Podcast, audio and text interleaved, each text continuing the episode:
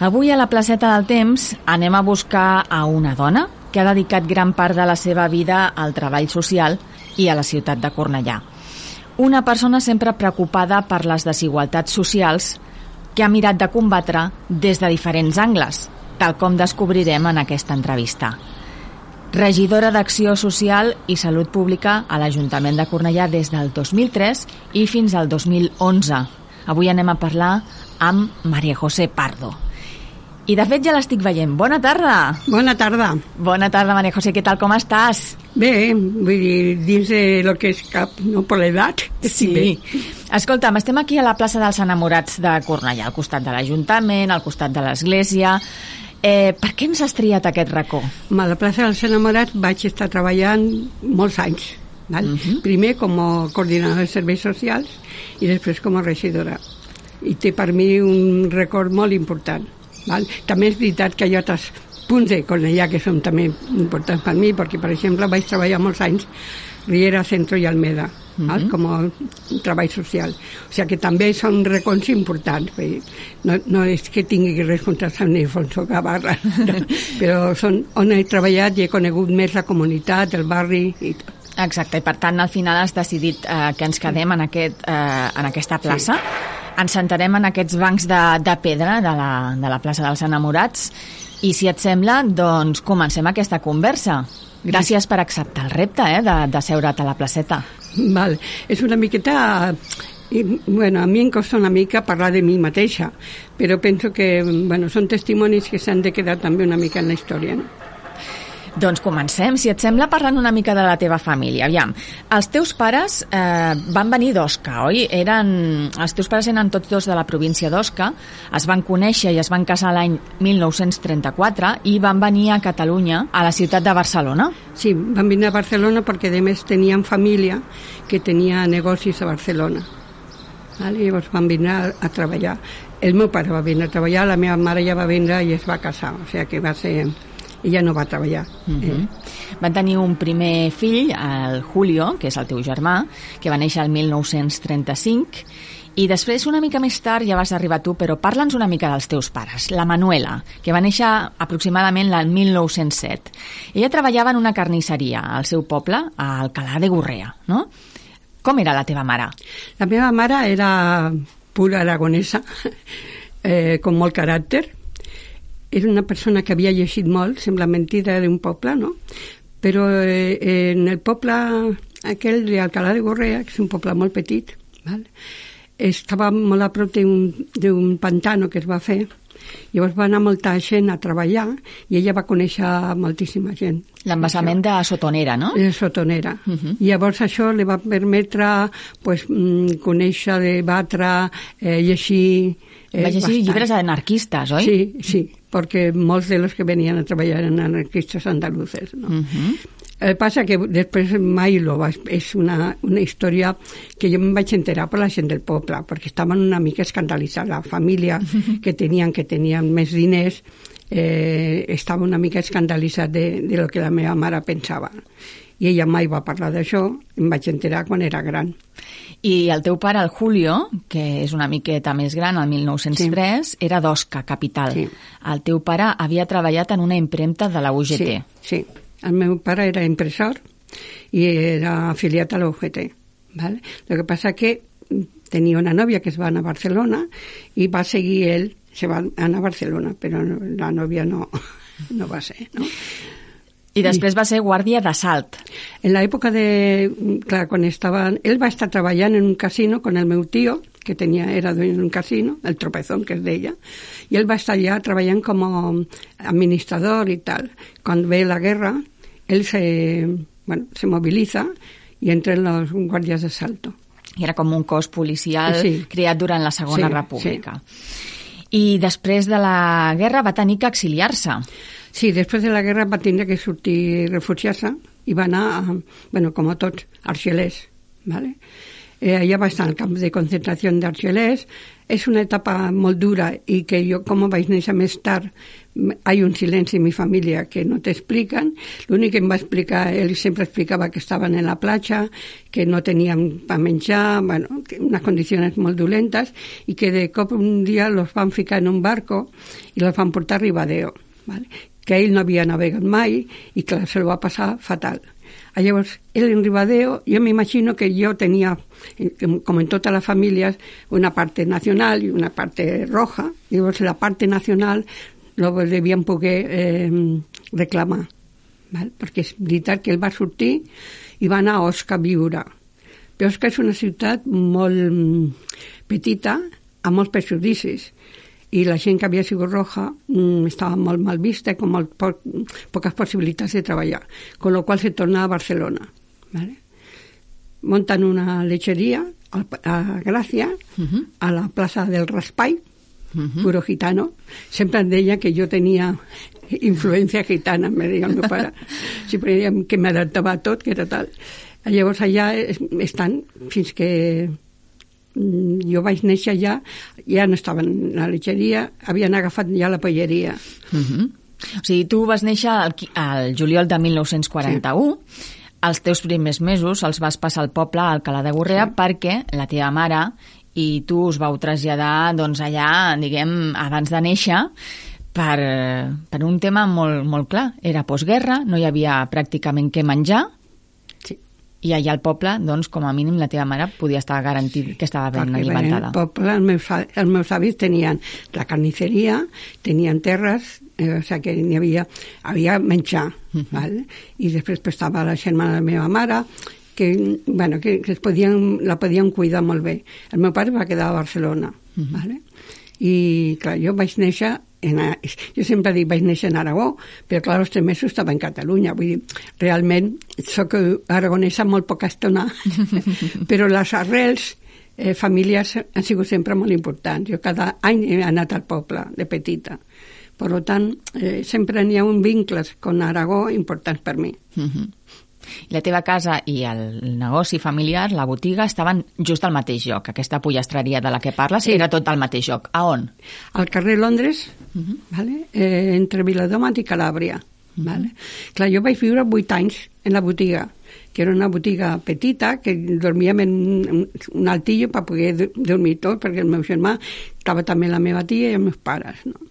I clar, era... mm, Bueno, a mi això me significava que era com molt lliure, no? Perquè de la botiga sempre me podia escapar no? Dir, jugar al carrer, tenia tots els amics, quasi tots tenien botigues i tots no jugàvem al carrer i, bueno, i per això era una, una època de la meva vida, jo sempre explico que vaig tenir la sort de poder jugar al carrer, de conèixer gent i de ser molt sa en jugar, no? Vull dir que, que ha sigut molt important. I de molt petita comences a ajudar a les tasques de la botiga, no? Per Sí. exemple, desplomant les gallines. Sí, sí, mira, clar, llavors no havia les, eh, ni, ni les granges, ni los mataderos, ni tal, o sea, que el meu pare anava a Aragó a buscar, anava a la franja, en Camareite, Literes, no? i Binèfar, i portava gàbies amb pollastres, conills, bueno, el que fossin, los ous i tal, no?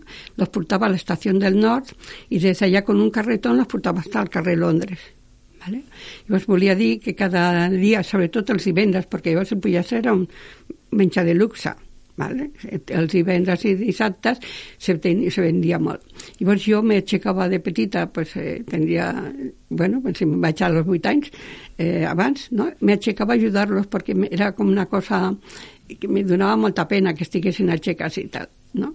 L'altre dia un, un, me preguntaven és que t'obligaven? No, de que és que teníamos el sentit de col·laborar, una família, no? molt diferent. El meu germà tenia molts problemes d'al·lèrgia i estornudava quan veia les plumes i ell no, ell no lo feia. Vull dir, això quedava claríssim que el meu pare deia este chico que me lo quiten de delante perquè me posa nerviós. No? I, que, que això. I llavors, clar, també pues, ajudava en la botiga a vendre solament ous al principi Només ous. només ous. Però Per què? volia dir que el dissabte no podia sortir a jugar perquè tenia que estar allà en la botiga. Uh -huh. I què més recordes de quan eres petita? Abans mencionaves d'aquest costat nacional de la teva família, el tiet que tenia mm, petits negocis, no?, i que us va ajudar i que tenia com un bar que es deia el Jardín del Còmic. No, al costat del còmic, que el còmic era un teatre, val? Vale? i ell estava eh, al costat mateix, per això se deia el Jardín del Còmic. ¿vale? Y allá, eh, a ver, la, las relaciones familiares, porque tampoco tenía molta familia aquí, teníem aquel tío i un cosí, o sea, dos, dos parents, no? que sempre en diumenge nos trobàvem. Bueno, llavors era el, el típico que explicaven històries ells i tal, i nosaltres jugàvem entre els cosins. ¿vale? Però és que això, el jardín, és que anàvem per les mm, dissabte, no, el dissabte no, el diumenge, perquè el dissabte estàvem molt cansats els meus pares, no? El diumenge Llavors, pues allí preníem algo i tal, i mentre veien les actuacions, que us podeu eh, imaginar, te pots imaginar que eren totes aquello de flamenco i tal, no? I per això de petita ballava flamenco. Ese, -huh. Sí, sí, me posaven en un racó i jo Però perquè m'agradava, perquè era el que veia i tal, Clar. no? Vull dir que... Sí, sí. I quins altres records tens de la teva infantesa del moviment nacional? Mira, del moviment nacional. Jo sempre explico... Jo, clar, jo me recordo de petita que alguns me deien has vingut a menjar-te el pa dels catalans. I jo deia, jo no, que el meu pare no es porta pa d'Aragó i jo no menjo pa català. Però, a part d'això, clar, el record de... Bueno, l'ambient era molt, molt de barri, no? Fèiem les, la festa de Sant Joan, al carrer... La gent parlava en castellà. Jo és que recordo d'haver sentit parlar català una vegada que vaig anar amb unes amigues, imagina, devia tenir ja 11 anys o així, a casa seva i vaig descobrir que tota la família parlava en català. Perquè jo al meu voltant quasi tot eren o, o d'Aragó o de... Sí, no, no havia... bueno, a part de que la gent tenia por a parlar català i per tant no es parlava català. I tu quan el vas aprendre? Jo el vaig aprendre quan em vaig casar. O sigui, vaig aprendre el català a los 28... A veure, aprendre a parlar-lo. Eh, entendre-lo entenia des de petita, però parlar-lo me donava molta vergonya, perquè sí que és veritat que el, els aragonesos tenim mm, unes dificultats amb llengües, doncs, vull dir, cantem diferent, no? Vull dir, sempre me critiquen perquè no poso bé els acentos, coses d'aquest tipus, no? Llavors me donava molt, molta... Però quan em vaig casar tenia, la meva cunyada tenia 12 anys, la, era família molt, molt catalana, uh -huh. vale? Ah, llavors eh, ella em deia, tu parles amb mi català? que jo eh, te corregeixo. I amb ella vaig començar a parlar català i llavors ja vaig parlar català amb, amb el Rafael, que ja, ja se'n va... I, ja sempre parla català en casa i la meva filla sempre hem parlat en català. Uh -huh. vale? Però va ser això, que me donava molt corte, no? El, uh -huh. Perquè, clar, tampoc lo vam estudiar. En l'escola estava super prohibido. Les monges no te deixen dir ni mu en català. Vull dir que, que era una llengua per mi... Eh, no, no havia llibres en català, o sigui que era tot així, no? A quin lloc vas estudiar? A quina escola vas estudiar? Vaig anar a les monges, la, eh, les monges de la Caritat, Sant Vicente Paul, que estava molt a prop de casa meva, estava al carrer Urgell, ¿vale? perquè clar, jo quan vaig deixar de la botiga, ¿vale? el meu pare fent com un eh, que seria un avance social, no? Van agafar un pis, o sigui que vam deixar la botiga i vam anar a un pis, i el pis estava en l'Avinguda Sarrià, eh, Londres. ¿vale? Llavors l'escola me quedava en el carrer Ugell, Londres, o sigui, molt a prop. ¿vale? I vaig anar allà. Eh, vaig fer solament cultura general superior, que es deia en aquell temps, porque en casa meva eh, habían decidido que yo me quedaría en la botiga y que lo que tenía que saber era sumar, restar, multiplicar, ¿no? no? I, i escriure bé i lo demés ja no era important vull dir que era tal i les monges opinaven que jo tenia la lletra dolenta i que no podia fer batxiller perquè no tenia bona lletra. Total, que entre mis padres i elles jo no vaig fer batxiller. El teu germà sí que va poder estudiar. El meu germà va poder estudiar, eh, a veure, el meu germà va estudiar enginyer de camins, el que era un esforç familiar molt important, perquè clar, el feia en Madrid, i era una carrera molt difícil i va estar més de 8 anys. Dir que era no solament pagar la carrera, sinó la manutenció, l'estat. Bueno, és veritat que era molt intel·ligent i era molt... Eh, molt constant en l'estudi. Vale? I llavors eh, ell va fer la carrera. Mm -hmm. vale? Llavors jo tenia que ser botiguera. Em pensa que no. Els teus pares deien que, que sí, que havies de ser botiguera, després ja es veurà si sí. va ser-ho o no. Sí. Però deixa'm parlar una miqueta més d'aquesta infantesa. Abans et preguntava, uh, el teu contacte amb, amb el franquisme, tu ho veies d'alguna manera? Em vas explicar que sí, no? que tens alguns records no? d'aquella època de la teva infantesa. Home, tinc records aquells de, de claro, con el, la por de mi familia, de que no, claro, tenía una botiga, eh, tenías que demostrar que eras adicto al régimen, ¿no? Jo em recordo d'haver anat a veure, quan venia Franco, com estàvem molt a prop de la Diagonal, anar a veure la, la, la Guàrdia Mora. A mi m'impressionava els colors que portaven i tal. I anàvem allà, i això que no es veiessin, no?, que anàvem a això. I després, com, eh, no sé, moltes coses d'aquest tipus... Eh, religioses també, el sí. Congrés Eucarístic, no? Sí, el, el, meu germà va fer una, una creu molt gran que la van penjar en la, en la finestra, en la llumetes i tot, ¿vale? en el Congrés Eucarístic. O sea, havia coses d'aquest tipus que es, no sé, como, como había la por de que ¿no? los, los porteros, bueno, havia totes unes històries això. Es guardaven molt les formes. No? Uh -huh. La mare no feia mai cap comentari que fos saps? sempre dins muy de l'ordre. Uh -huh. ¿vale? és un record d'això. Eh, també un record, te dic, és que, clar, la botiga estava molt a prop, bueno, la botiga i el pis estàvem en el barri chino perfumado. Això no sé si és com una història, ¿no? Porque aquella zona era, eh, había molta prostitució, però prostitució alta. No era, no era la zona del, ¿no? de las Ramblas, no, uh -huh. no, era prostitució alta. I havia un moble, lo que és ara l'hotel sí, sí. era un moble, i jo de petita eh, he patit molt el tema de... Com havia tanta repressió, val? el tema del que t'ensenyava tot, no? el de la gabardina, el que te perseguia pel carrer, totes les coses eh, eh, les vivíem molt, no? el que t'intentaven aixecar la fandilla, eh, bueno, o que te perseguien con un cotxe dient coses i tal, no? Això eh, en el barri era bastant normal i tots sabíem com ens teníem que defensar una mica, no? Vull dir que no, això. I és veritat que havia molta gent, moltes noies joves. Uh -huh. I, bueno, i bares, puticlubs.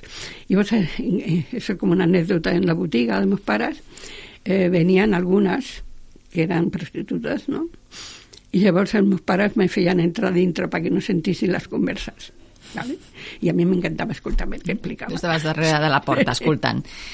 Mm, abans has explicat que, que vas estudiar les monges i, de fet, a la teva primera joventut et vas plantejar fer-te missionera. Sí, a veure, jo, sempre dic que clar, la gent que no van poder anar a la ciutat no van poder tindre eh, relacions o contactes amb, amb partits, no? sinó eh, movimientos sociales. Jo, eh, eh, a partir de, de les meves inquietuds, vaig començar a anar molt a la, a la parròquia que estava davant de casa, que és eh, Sant Eugenio I Papa. Està al, al costat de l'Hospital Sagrat Cor. Uh -huh. ¿vale? Llavors allà n'hi havia un vicari, ¿vale? que era la, la, renovador, ¿no? de, la, de la iglesia revolucionària. No?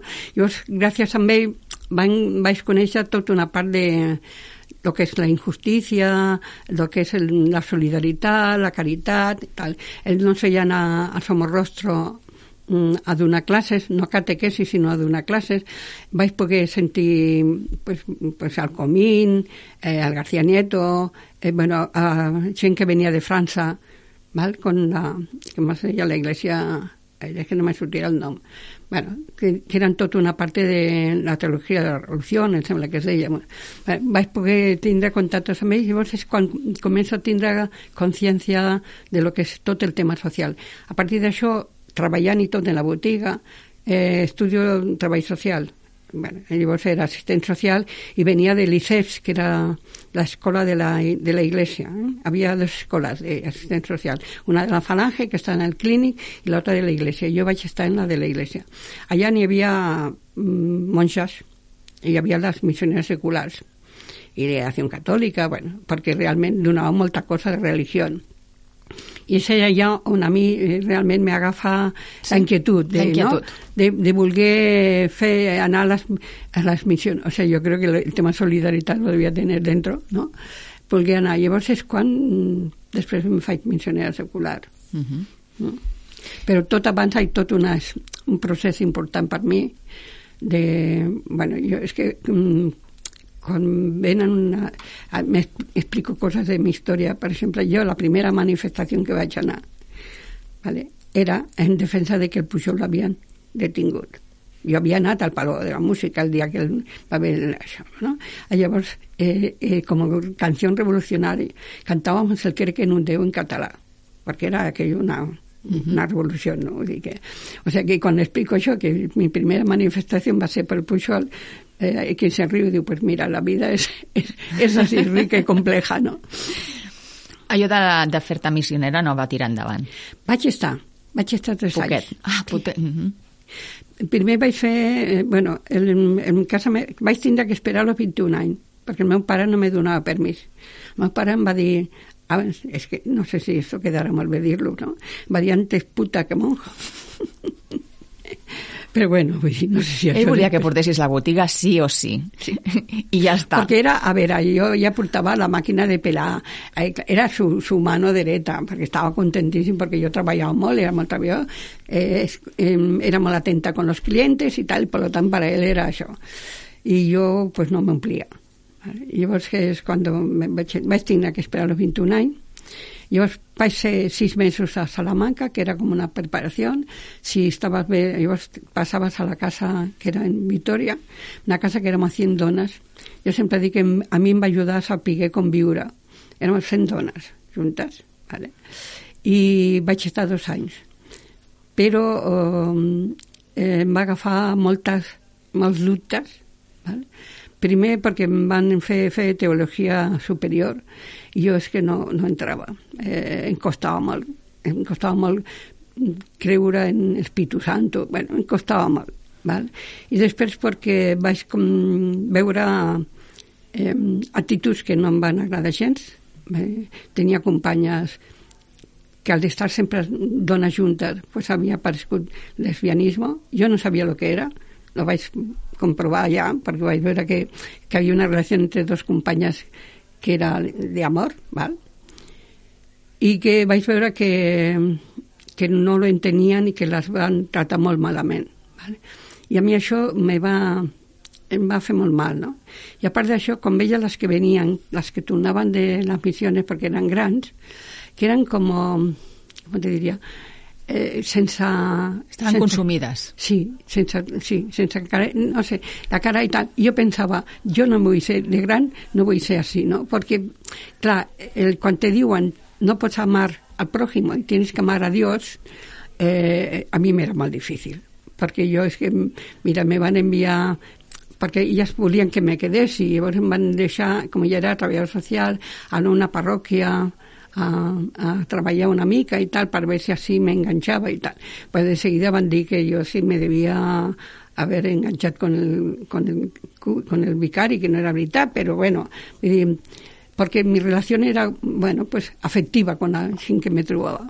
Jo vaig comprendre que jo, no, el meu era estimar a la que tenia a prop i vaig deixar d'estar. I ja vas tornar cap a Barcelona. Vaig tornar cap a I Barcelona. aleshores comences a treballar ja de treballadora social, primer en una escola de paràlisi cerebral, Sí. a Montjuïc. Sí, vaig allà, vaig fer, donava classes, val? Claro, a mi em va impactar moltíssim perquè els nanos eren a veure, les agafaves un carinyo enorme, però tenia moltes dificultats. No? Alguno igual no parlava, l'altre igual no caminava, però va ser una experiència molt maca.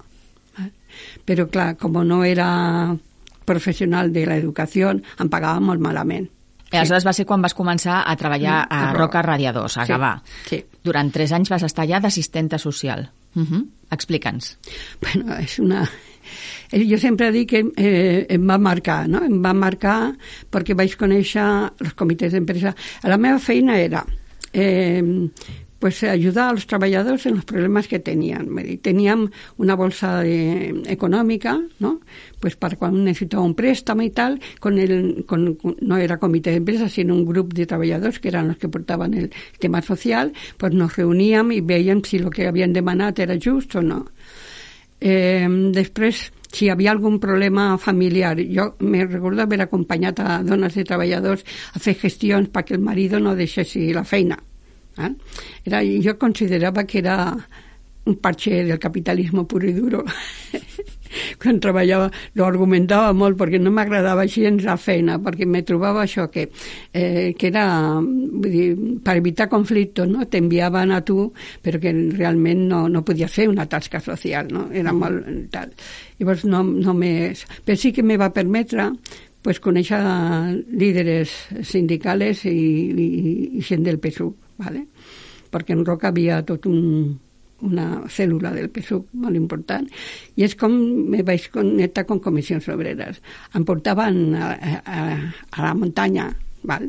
Eh, para això para eh, fer reunions, reunions uh -huh. ¿vale?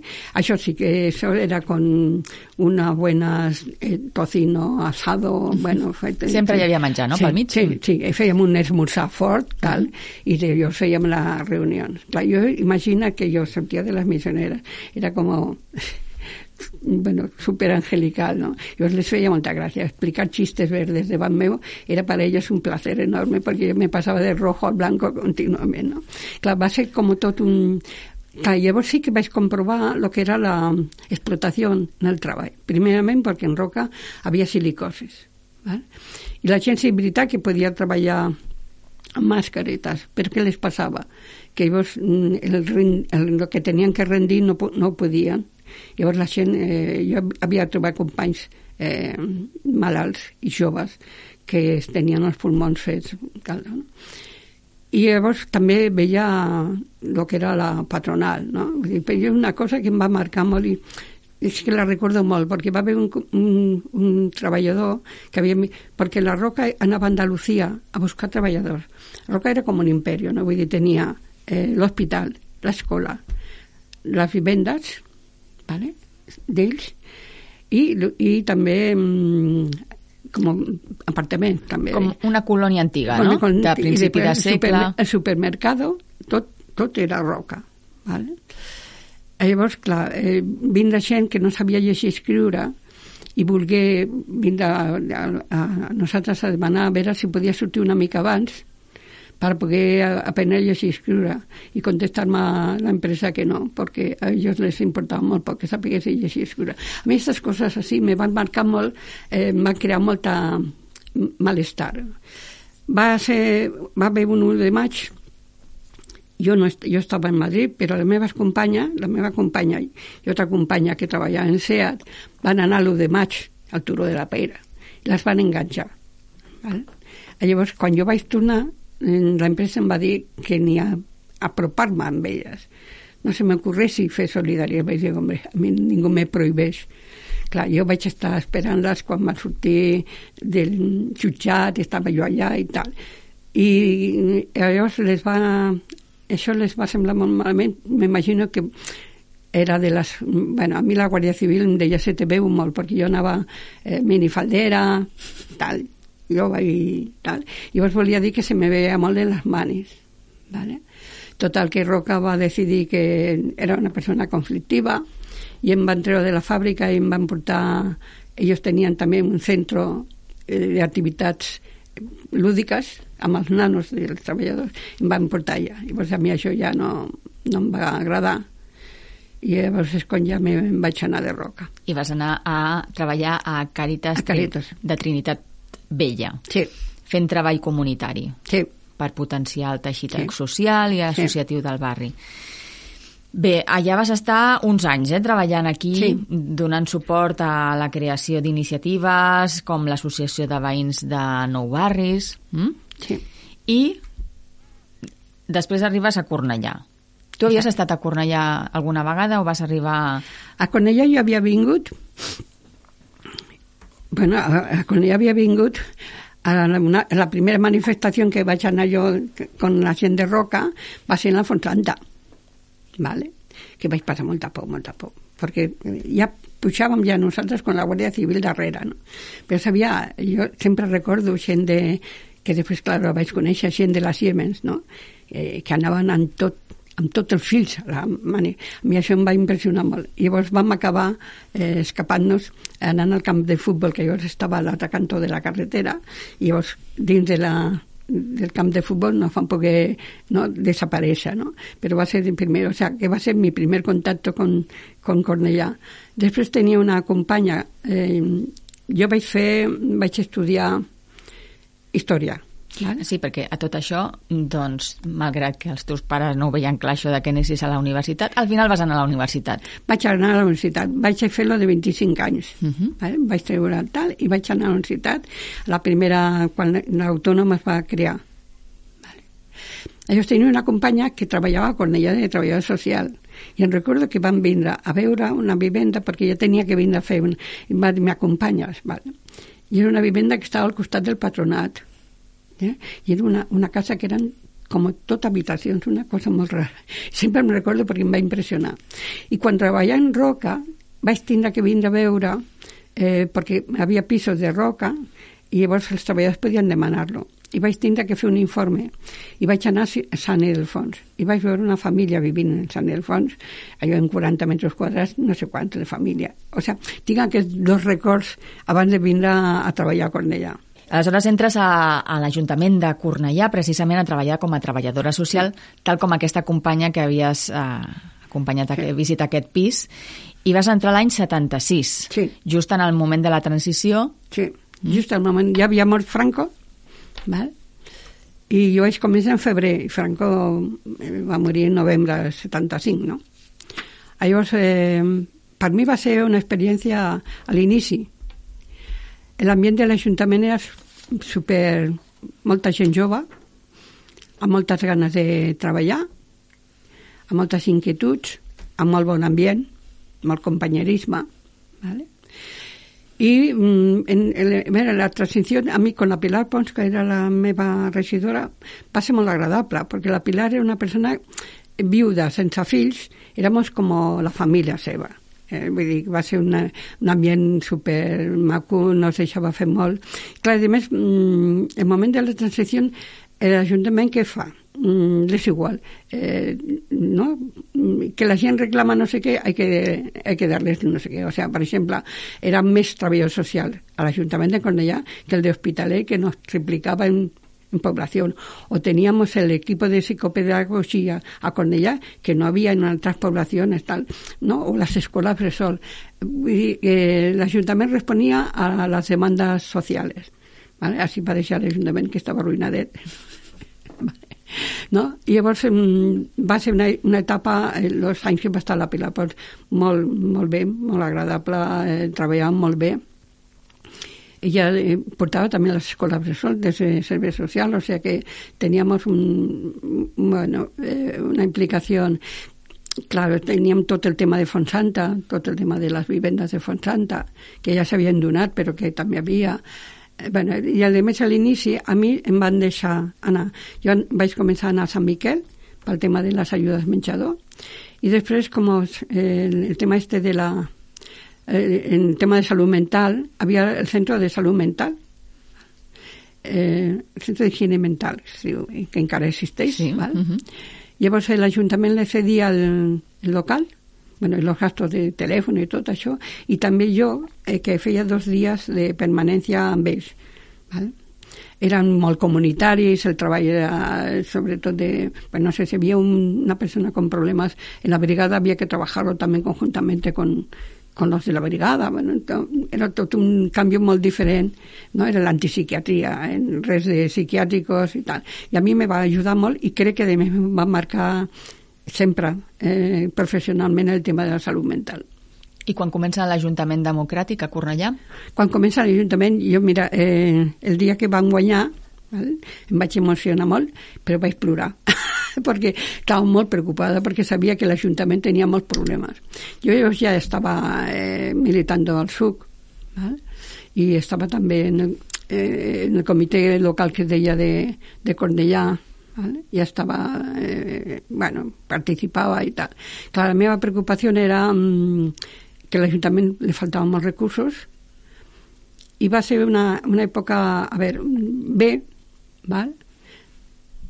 Pero con, a ver, yo siempre dicho un partido de gobierno, un partido de lucha, de lucha al gobierno hasta que t'adaptes hay un, una miqueta de dificultat, no? Perquè, clar, eh, yo sí recuerdo de gent que venía porque soy del SUC y no tengo que pagar impuestos. Tú dices, sí, sí, porque eres del SUC tienes que pagar impuestos.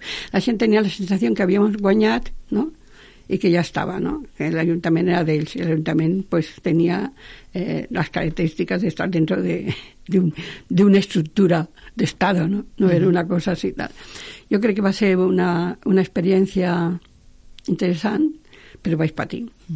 Tu ja havies començat a militar al 74 en el SUC, sí i, i la història del SUC és una història llarga i complexa i que no dona temps en aquesta entrevista de, de, de mencionar-ho tot, no? però sí que doncs, arriba un moment en el cinquè congrés el SUC estava molt dividit a nivell intern i mm, en no secundar els acords del comitè central, tu i altres persones sou expulsades del partit.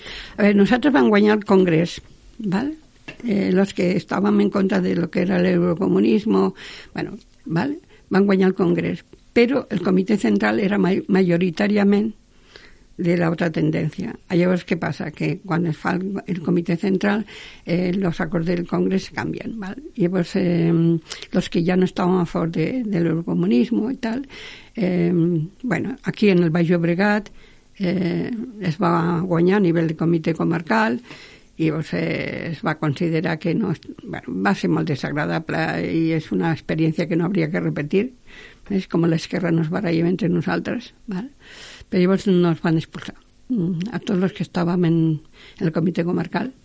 I és quan se crea el PCC i jo passo a formar part eh, llavors sí que passo a formar part del comitè central del PCC que anteriorment estava en el comitè comarcal del sud l'experiència política eh, d'aquella època jo vaig aprendre molt val? perquè mm, vaig aprendre de tots. Val? Eh, per, per exemple, pues, pues con el Prieto i tal, eren persones com una capacitat política important, però després con, lo, con los que, eh, que venien més de moviment obrero, val? clar, jo ja tenia una vena sindical molt important, que això no l'hem parlat, però clar, eh, marca molt mi vida perquè jo quan entro en, en Cornellà a al poc temps una, una de mis companyes me fica en el comitè d'empresa i ahí vaig estar pues, no sé quants anys, vull dir, 17 anys crec que he estat de, de comitè d'empresa. Clar, mmm, tot el tema de los que, mi, mi relació con Movimiento Obrero també me marcava molt, no? Perquè sempre havia eh, impressionant, sempre havia après molt. De gent que millor llegia, escriia amb moltes dificultats, però sabien analitzar situacions eh, molt bé, no? molt justa, i a mi això m'impressionava, no? perquè igual jo venia d'un altre món no? i no tenia la mateixa sentiment d'injustícia que ells tenien, no? De les desigualdades, de les diferències i tal. I això m'ajudava molt, no? Això. Jo després dir que eren com un complemento. Havia qui te feia créixer a nivell més de, eh, de lectura i tal, però havia qui te feia créixer a nivell de debat polític i de, de profunditzar la societat com és. A tot això, va ser mare. Mm, sí, Mira, sí. La teva mare t'havia tingut a tu amb 35 anys. Això és una curiositat.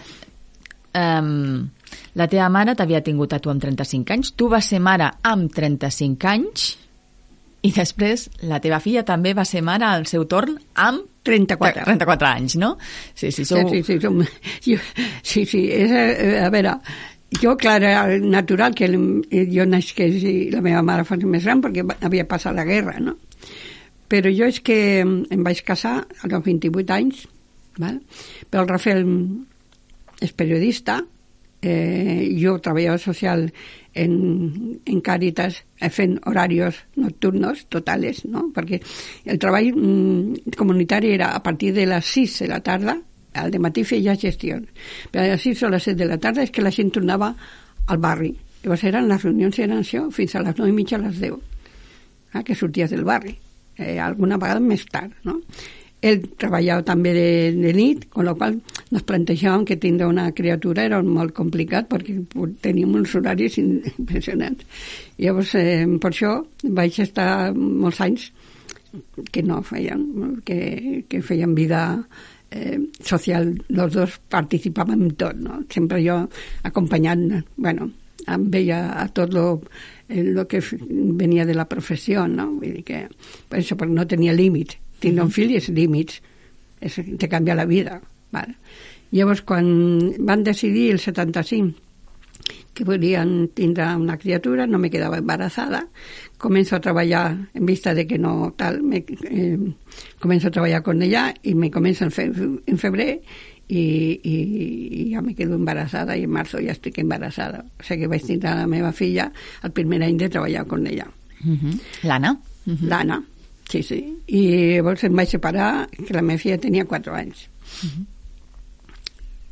Era, eh, a veure, jo crec que la, el tema era que ell és regidor de l'Ajuntament de Barcelona de Cultura, val?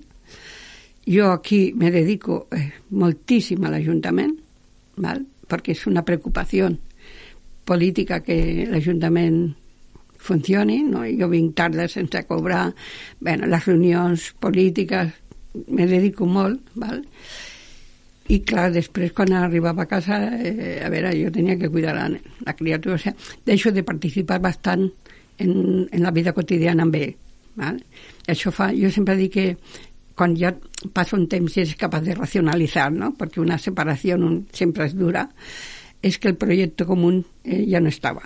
Val? Havíem tingut un projecte comú perquè ja havia conviscut tot, que si havia que anar a Portugal perquè havia hagut la revolució eh? les claves, jo m'hi iba a Portugal vull dir, havia compartit amb ell molt pues, tot el que ell feia a l'Ajuntament i tal, però clar, quan jo començo a Cornellà comparteixo els problemes de, de la ciutat de Cornellà i m'allunyo una mica de lo que és Barcelona i llavors, bueno, pues es produeix una separació no, bueno, és una, una realitat i clar, a més això, jo pues, claro, necesitava estar con la, con la cria, no? No me faltaria, no?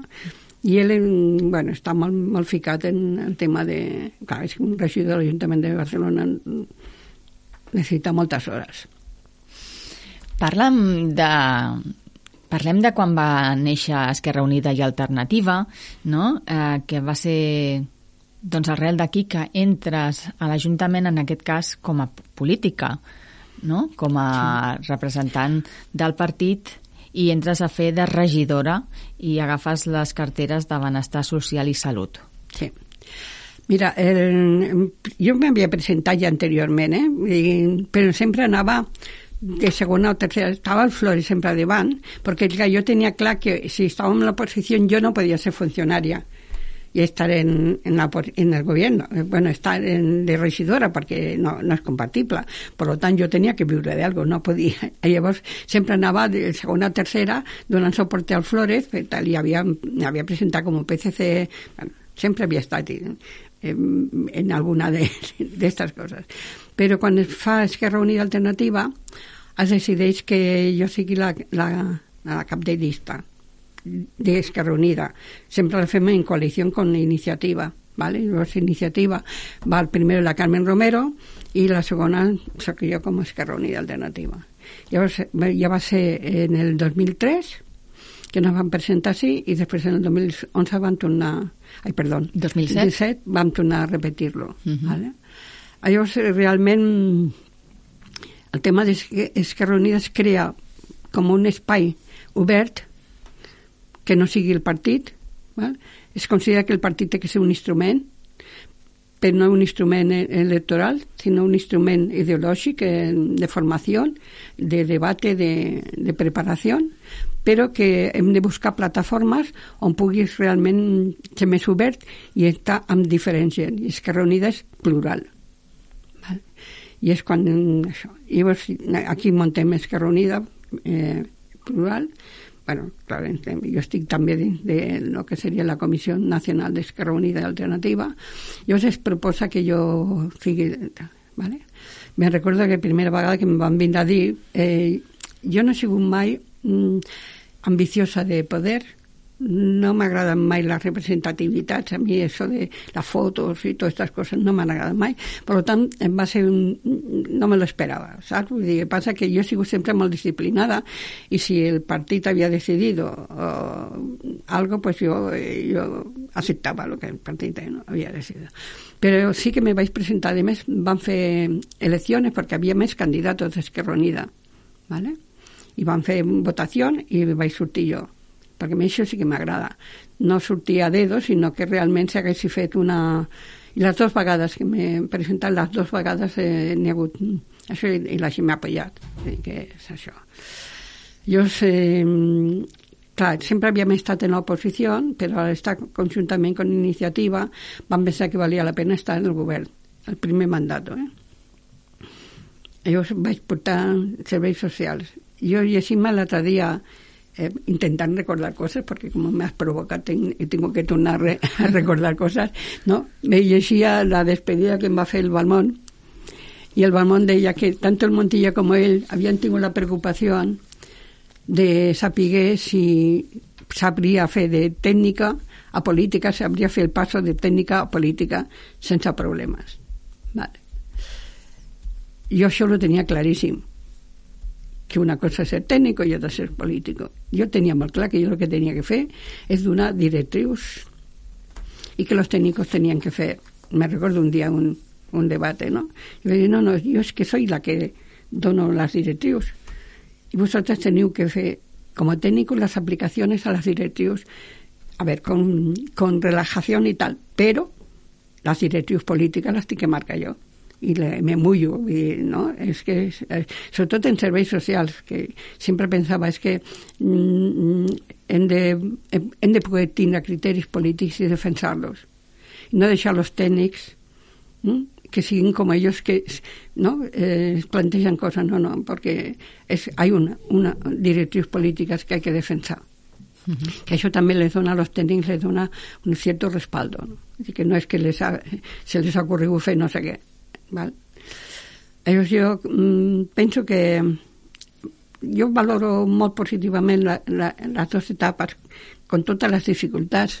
A veure, mm, jo crec que una de mis característiques, una és el treball comunitari, ¿no? la participació ciutadana. I otra és eh, dialogar i consensuar. Jo crec que el tema sindical a mi me va ajudar molt, ¿vale? perquè una cosa és la plataforma que, que, que porta ese convenio i altra cosa és el que, no? al final tal, que té sempre que tindre clar que depèn de què tinguis gent darrere, pots fer una cosa, pots fer una altra. I amb això és igual. Eh, pues érem, no, el primer era menys, però el segon érem 15 socialistes i jo. Bueno, havia, perdó, los dos de, de Convergència. ¿vale? Però jo què pensava? Intentava um, consensuar i dialogar, perquè si no, no pots fer coses. ¿vale? Jo crec que ha sigut una de mis característiques eh, eh, de l'Ajuntament. Mm, valorar molt la participació i jo crec que en, en la memòria l'explico molt clarament vull dir, perquè, mm, per exemple, Cornellà té un tejido social molt important ¿vale? Moltes entitats, la Coordinació contra la Marginació, Aprodico, Salut Mental, bueno, eh, Càritas, bueno, hi moltes entitats que estan treballant a la ciutat.